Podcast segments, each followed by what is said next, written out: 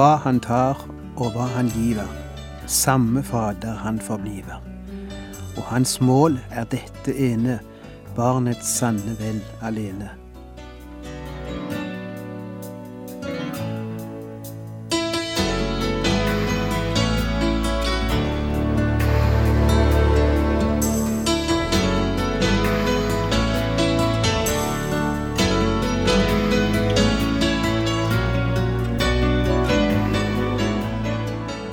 Hjertelig velkommen til et nytt program i serien Vindu mot livet.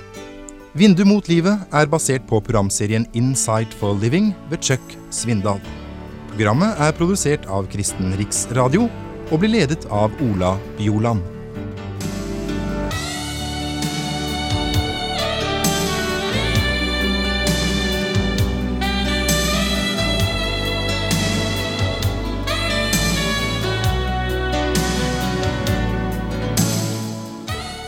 Vi har kommet til vers 17 i kapittel 11 i Hebreabrevet.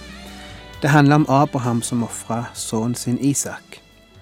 Men før vi leser teksten i Hebreabrevet, skal vi lese noen avsnitt fra første Mosebok, slik fortellingen er skrevet i sin opprinnelige form. La meg si det med en gang. Dette er det vanskeligste avsnittet i hele Abrahams historie å snakke om. Jeg er så livende redd for at det skal oppleves lettvint, det som har med så djupe og smertelige ting å gjøre, som tapet av et barn. Særlig når jeg ikke har opplevd det sjøl. Men la oss se litt på denne historien slik den er fortalt i første Mosebok kapittel 22, og vi leser ifra vers 1 og 2. En tid etter at dette hadde hendt, ville Gud sette Abraham på prøve. Han sa til ham, Abraham. Og Abraham svarte, Ja, her er jeg. Da sa han, Ta Isak, din eneste sønn, som du er så glad i, og dra til Morialandet. Der skal du ofre ham som brennoffer på ett av fjellene som jeg vil vise deg. Hvorfor gjør Gud noe slikt? Jeg tror nøkkelen ligger her i vers 1. Gud ville sette Abraham på prøve. Hva var det han ville prøve han i? Jeg tror ikke at prøven går ut på å finne ut om Abraham elsker Gud mer enn han elsker sin sønn, slik jeg har hørt denne teksten utlagt. Jeg tror det er en umulig problemstilling. Ingen kan seie opp Gud imot den du er glad i, og si hvem elsker du mest? Like lite som ingen kan seie ett av sine barn opp imot et annet og spørre hvem av de elsker du mest? Hvem av de ville du unnvære hvis du sto overfor et valg? Hvem ville du ofre? Det er et umulig valg.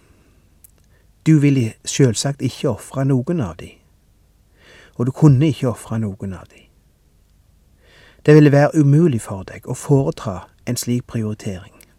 Iallfall ville det vært det for meg. Og like umulig ville det være å stå for et valg som sa hvem vil du ofre, Gud eller ditt barn? Ingen, sjølsagt. Og Gud vil aldri kreve noe slikt av meg. Hvorfor krevde han det av Abraham, da? Jeg tror egentlig ikke det var det han krevde. Jeg tror ikke Gud ville prøve om Abraham elska han mer, mer enn han elska sin egen sønn, for det er et umulig krav. Jeg tror han vil prøve Abrahams tru.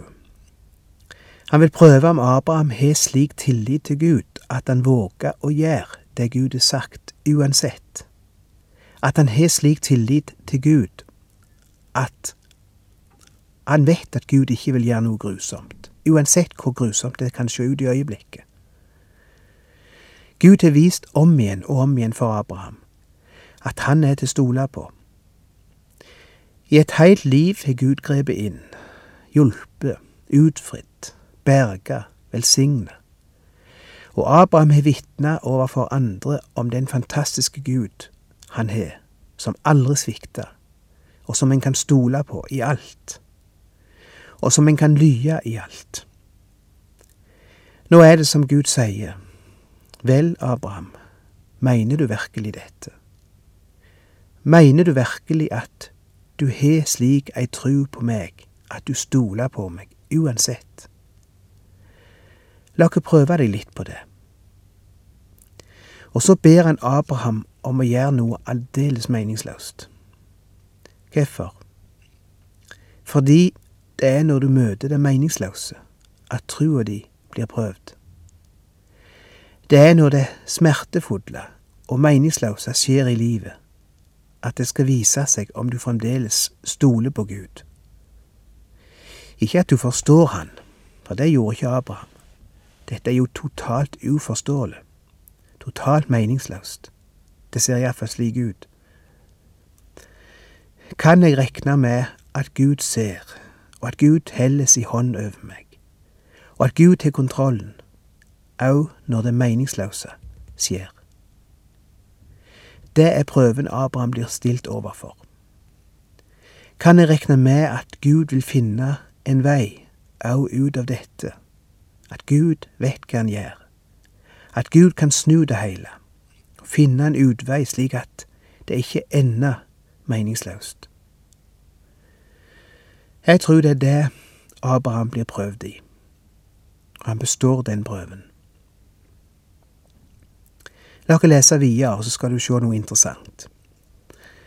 Morgenen etter sto Abraham tidlig opp, lesset på eselet sitt og tok, dem, og tok med seg to av tjenesteguttene sine og sønnen Isak.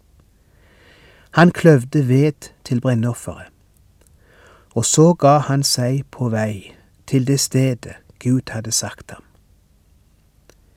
Den tredje dagen, da Abraham så seg omkring, fikk han øye på stedet langt borte. Da sa Abraham til tjenesteguttene sine, Bli dere her med eselet, mens jeg og gutten går dit bort for å tilbe, og så kommer vi tilbake til dere. La du merke til hva Abraham sa her? Bli det her med eselet, mens jeg og gutten går dit for å tilbe, og så kommer vi tilbake til dere. Hvem er vi her? Det er Abraham, og det er sønnen hans Isak. Men vent litt. Jeg trodde Gud hadde sagt han skulle ofre Isak der oppe på fjellet. Ja, Gud hadde sagt det. Og jeg trodde Abraham hadde forstått det. Ja, ganske rett, Abraham har forstått det. Hvordan kan Abraham da si at de begge skal komme ned igjen? Ja, jeg er glad du stilte det spørsmålet. Og du vil finne svaret nettopp i Hebreabrevet, kapittel 11, i det avsnitt vi er kommet til i dag, vers 17 til 19. Hør hva som står der. I tro bar Abraham fram Isak som offer, den gang han ble satt på prøve.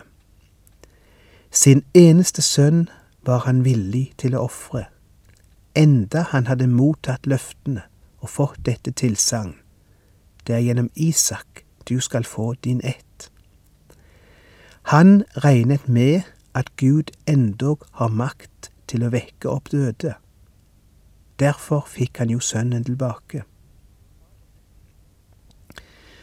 Abraham regner med at de begge to skal komme tilbake. Ser du det? Han regner med at uansett hva som skjer der oppe på fjellet, og om sønnen virkelig blir ofra, eller om Gud vil gripe inn og stanse det hele før det kommer så langt, så vet han at han og Isak til slutt skal komme spaserende ned sammen ifra fjellet. Hvordan det skal kunne skje, aner ikke Abraham. Hvordan Gud er tenkt å gjøre det, har han ingen anelse om. Han vet bare at begge kommer til å komme levende tilbake. Hvordan kan Abraham være så sikker på det? Fordi Gud har lovt det. Gud har lovt at han skal få Isak, og han har lovt at Isak skal bli far til mange, at Abrahams slekt nettopp skal gå gjennom Isak. Og det er umulig å reise i slekt hvis du ligger i grava, ikke sant? Den sønnen skal gi deg mange barnebarn, har Gud sagt til Abraham. Og Abraham tror at når Gud har sagt noe, så står han ved det. Og Abraham vet at Gud skifter ikke mening fra dag til dag. Det som er sagt, står fast. Og det er så sikkert at jeg trygt kan gjøre hva Gud ber meg om, uansett hvor urimelig og meningsløst det ser ut i øyeblikket. Jeg kan trygt stole på Gud, for Gud skal ikke gå tilbake på sine løfter. Jeg vet ikke hvordan han skal gjøre det, eller vil gjøre det, men det får bli hans sak. Han kommer aldri til å svikte sitt løfte. Isak skal leve. Det var nettopp det som var prøven. Å sjå hva Abraham tenkte om Gud. Å sjå om han stolte mer på det Gud hadde sagt, enn han lot seg forvirre av det som skjedde i øyeblikket. Men prøven er ikke over ennå. Vi leser videre fra vers 7. Da sa Isak til far Abraham, til sin far Abraham, Du far, og han svarte, Ja, gutten min. Isak sa, Se, her er ilden og veden, men hvor er lammet som vi skal ofre? Abraham svarte, Gud vil nok selv se seg ut et offerlam, gutten min. Og så gikk de videre sammen, de to. Her ser vi det igjen. Gud vil nok selv se seg ut et offerlam. Var det ei hvit løgn for å lure Isak inn i døden? Å nei, det var Abrahams faste tru på Gud. Jeg vet ikke hva mening Gud har med dette, Isak, men jeg vet han har en plan. Om vi ikke ser det nå. Og så leser vi videre. Da de kom til det stedet Gud hadde sagt, bygde Abraham et alter der og la veden til rette. Så bandt han Isak, sønnen sin, og la ham på alteret, oppå veden. Vet du hva jeg tenker når jeg leser dette? En av heltene i denne fortellingen er faktisk Isak. Hvordan i all verden lar Isak seg legge på et alter og lar seg binde? Du må ikke tro at Isak er noen guttunge her. Han er iallfall tenåring, og antagelig omkring 16-17 år. Det har gått mange år siden Isak var en liten gutt og lekte og sloss med Ismael, sin halvbror. Isak er blitt voksen nå. Se bare på vers seks. Så tok Abraham offerveden og la den på Isak, sønnen sin. Selv tok han ilden og kniven i hånden, og så gikk de sammen, de to. Nå skal de altså begynne å klatre oppover et svært fjell. Og du får ikke en femåring til å klatre i timevis i fjellet, og attpåtil ha en svær vedstabel på ryggen. Det er kun en stor, voksen, sterk mann som klarer å bære vedstabelen opp et høyt fjell. Og her er vi altså med en mann å gjøre som lar seg binde oppå et alter av sin far, og unna han ligger veden. Og vi leser verken om noe basketak eller noen diskusjon. Så her er det ikke bare Abraham som framstår som en helt. Denne fortellingen sier ganske mye om Isak òg og hans tru, og den oppdragelse han har fått. Her leser vi om en sønn som har lært av sin far. Gud skal sørge for oss. Gud vil aldri svikte sitt løfte. La oss gjøre som han sier, så skal nok han finne en utvei. De er sammen om dette. Så leser vi videre fra vers ti. Og Abraham rakte ut hånden og tok kniven for å ofre sin sønn. Da ropte Herrens engel til ham fra himmelen og sa, Abraham, Abraham. Og han svarte, Ja, her er jeg. Da sa engelen, Legg ikke hånd på gutten, og gjør ham ikke noe. For nå vet jeg at du frykter Gud, siden du ikke engang sparte din eneste sønn for meg. Nå vet jeg at du frykter Gud. Er ikke det et litt merkelig utsagn? Jeg trodde Gud visste det. Jeg trodde Gud visste alt.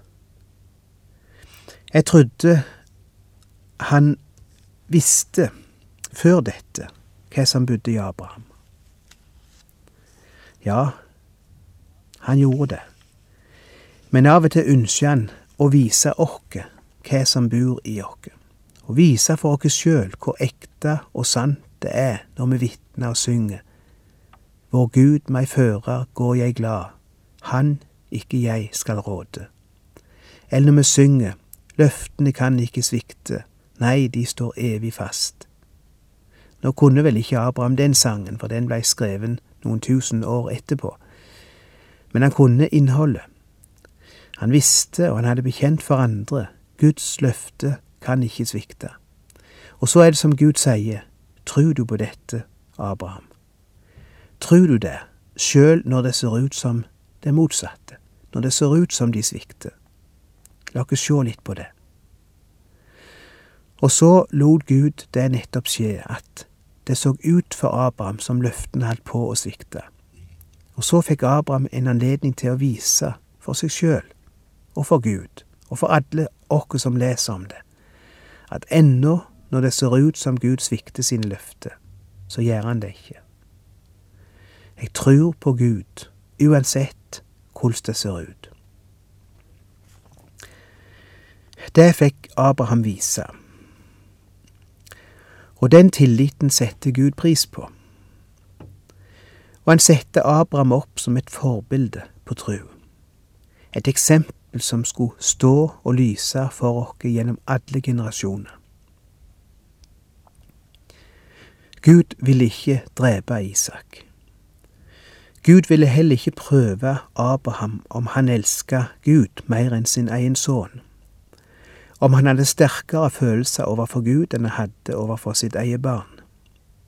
Tror ikke Gud forlanger slike erklæringer av oss. De to kan egentlig ikke sies opp imot hverandre.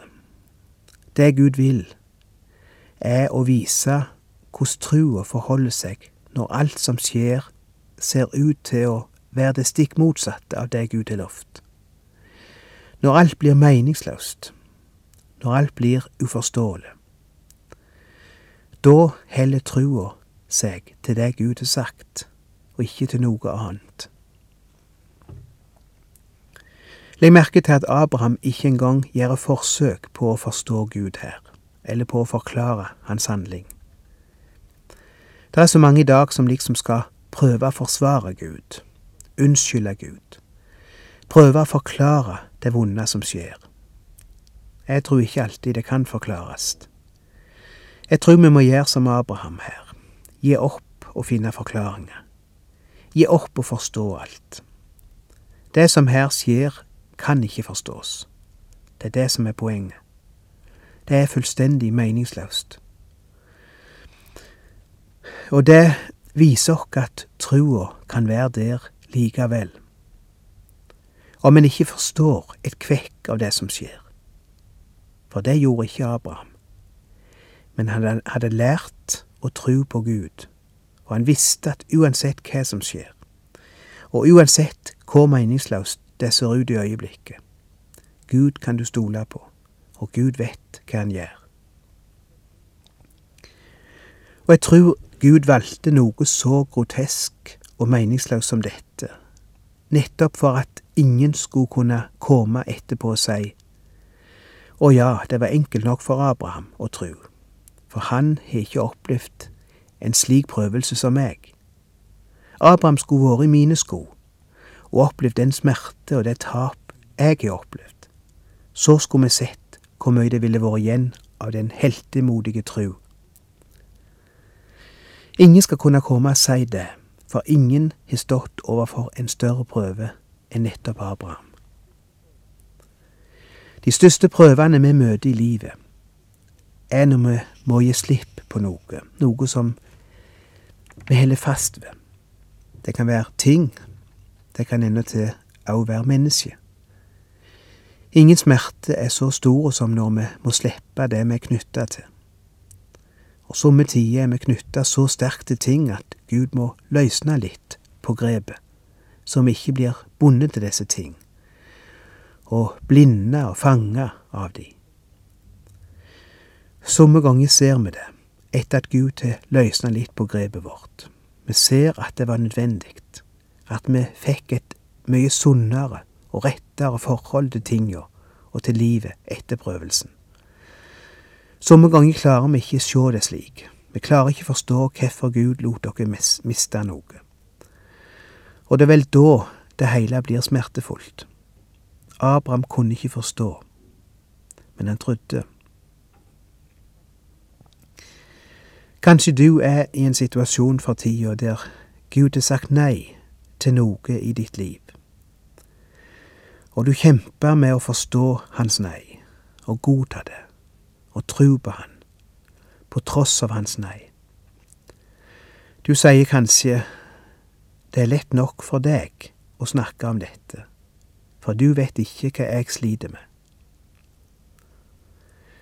Nei, jeg vet ikke hva Guds nei til deg er, men jeg vet hva Guds nei til meg er. Au de nei jeg har opplevd i det siste. Det som jeg ikke forstår. Jeg tror at jeg skal forstå de en gang, men akkurat nå forstår jeg ikke hvordan eller hvorfor han svarte nei. Men jeg tror at han vet hva han gjør, og at det som skjer, er det beste for meg. Jeg tror det, sjøl om mine følelser ikke alltid klarer å se det slik. Hva han tar, og hva han giver, samme Fader han forbliver. Og hans mål er dette ene, barnets sanne vel alene. Tror du det?